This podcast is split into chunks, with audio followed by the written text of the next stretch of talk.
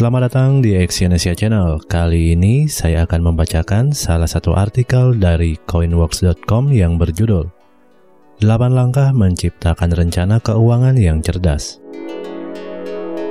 Saat ini, mulai banyak sekali orang-orang yang memiliki profesi sebagai perencana keuangan. Mereka membantu para klien untuk mengatur penempatan uangnya agar menjadi lebih bermanfaat di masa depan. Namun, ternyata tanpa menggunakan jasa mereka, anda juga mampu menciptakan rencana keuangan yang cerdas. Apakah Anda mulai memikirkan impian dan kebutuhan pensiun di masa depan? Tentu saja, rencana keuangan biasa akan berperan sebagai laporan keuangan bagi Anda. Bagaimana Anda bisa tahu apakah Anda berada di jalur yang benar jika Anda tidak memiliki perencanaannya? Setiap orang yang memiliki rencana keuangan yang terarah umumnya merasa lebih memegang kontrol akan keuangan mereka dan dapat hidup lebih nyaman daripada orang lain. Untuk membantu menyusun rencana keuangan yang realistis, berikut adalah 8 langkah sederhana. Yang pertama adalah tanyakan pada diri sendiri, apa tujuan masa depan Anda? Meskipun ini adalah sebuah pertanyaan yang bersifat klise, namun Anda perlu menjawab, ke mana Anda ingin membawa diri Anda dalam 5, 10, 20 tahun mendatang dan apa sebenarnya yang Anda inginkan dalam kehidupan ini.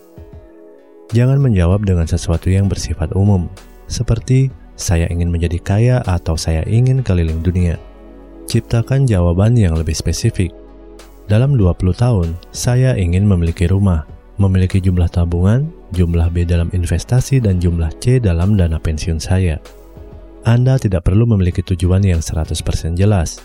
Beri diri Anda kelonggaran, tapi jangan bayangkan gaya hidup yang mewah dalam 10 tahun jika penghasilan masa lalu dan penghasilan Anda saat ini belum dapat menyesuaikannya.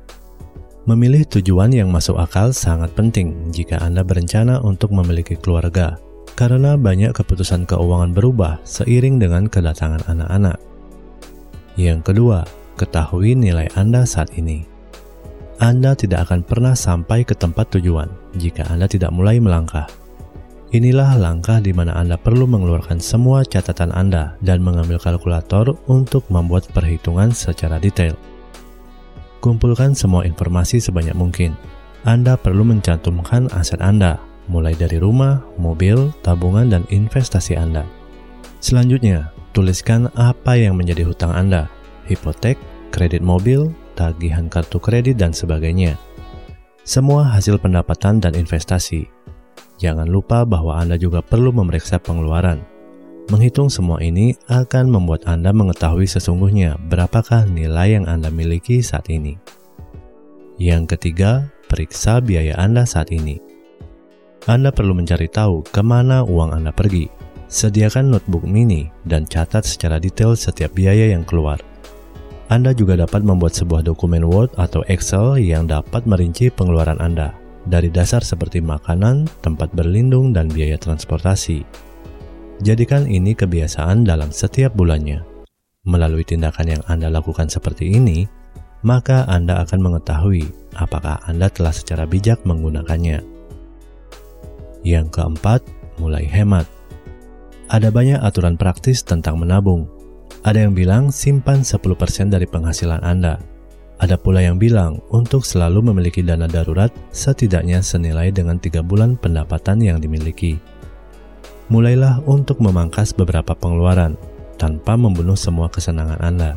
Pastikan Anda menabung sebanyak yang Anda bisa. Yang kelima, bayar hutang Anda. Apabila saat ini Anda memiliki hutang dengan bunga yang tinggi, Anda harus segera mengatur keuangan Anda untuk melunasinya hutang dengan bunga tinggi masuk ke tingkat pengembalian yang Anda dapatkan dari investasi Anda dan dapat menelan seluruh pendapatan yang didapatkan di rekening tabungan. Menghapus hutang Anda juga akan menghapus nilai kredit Anda untuk masa depan. Yang keenam, bangun portofolio investasi Anda. Lebih dari hanya sekedar rekening tabungan, investasi yang akan menjaga selama masa pensiun Anda. Beberapa peraturan investasi dasar, namun penting, Selalu lakukan penelitian sebelum terjun. Pahami peraturan risiko dan hasil yang ada. Semakin tinggi risikonya, semakin tinggi potensi keuntungan, dan begitu pula sebaliknya. Cobalah untuk melakukan diversifikasi akan portofolio Anda. Mulailah untuk berinvestasi dalam berbagai bentuk dan jenis. Jadi, jika satu investasi gagal, tidak akan membuat Anda kehilangan terlalu banyak. Yang ketujuh, asuransikan diri Anda. Hidup merupakan perjalanan yang tidak bisa ditebak. Terkadang, kecelakaan mungkin terjadi, Sulit rasanya untuk membeli asuransi jiwa saat Anda merasa memiliki kesehatan yang baik. Tapi, jika tidak, itu berarti Anda menaruh rencana masa depan ke dalam bahaya. Membeli asuransi jiwa paling baik dilakukan lebih awal daripada nanti. Asuransi jiwa akan memastikan rencana keuangan yang telah Anda bangun dengan cerdas tidak akan habis dalam sekejap. Yang kedelapan, monitor rencana keuangan Anda. Jika Anda benar-benar bersemangat untuk mencapai tujuan akhir Anda, maka langkah ini merupakan langkah paling penting. Periksa kemajuan Anda setiap tahunnya. Tanyakan pada diri sendiri, apakah saya telah melunasi hutang saya? Dapatkah saya menyimpan lebih banyak uang? Apakah investasi saya berjalan dengan baik? Apakah saya cukup berusaha untuk mencapai tujuan saya? Meninjau rencana keuangan setiap tahunnya akan membuat Anda bertahan dalam kondisi yang lebih baik di jangka panjang. Nah, itulah tadi 8 cara cerdas dalam mengatur keuangan. Intinya, dalam mengatur keuangan adalah di mana Anda dapat menempatkan penghasilan Anda ke dalam porsi-porsi yang tepat.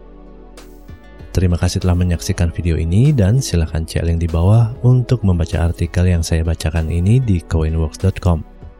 Salam sukses!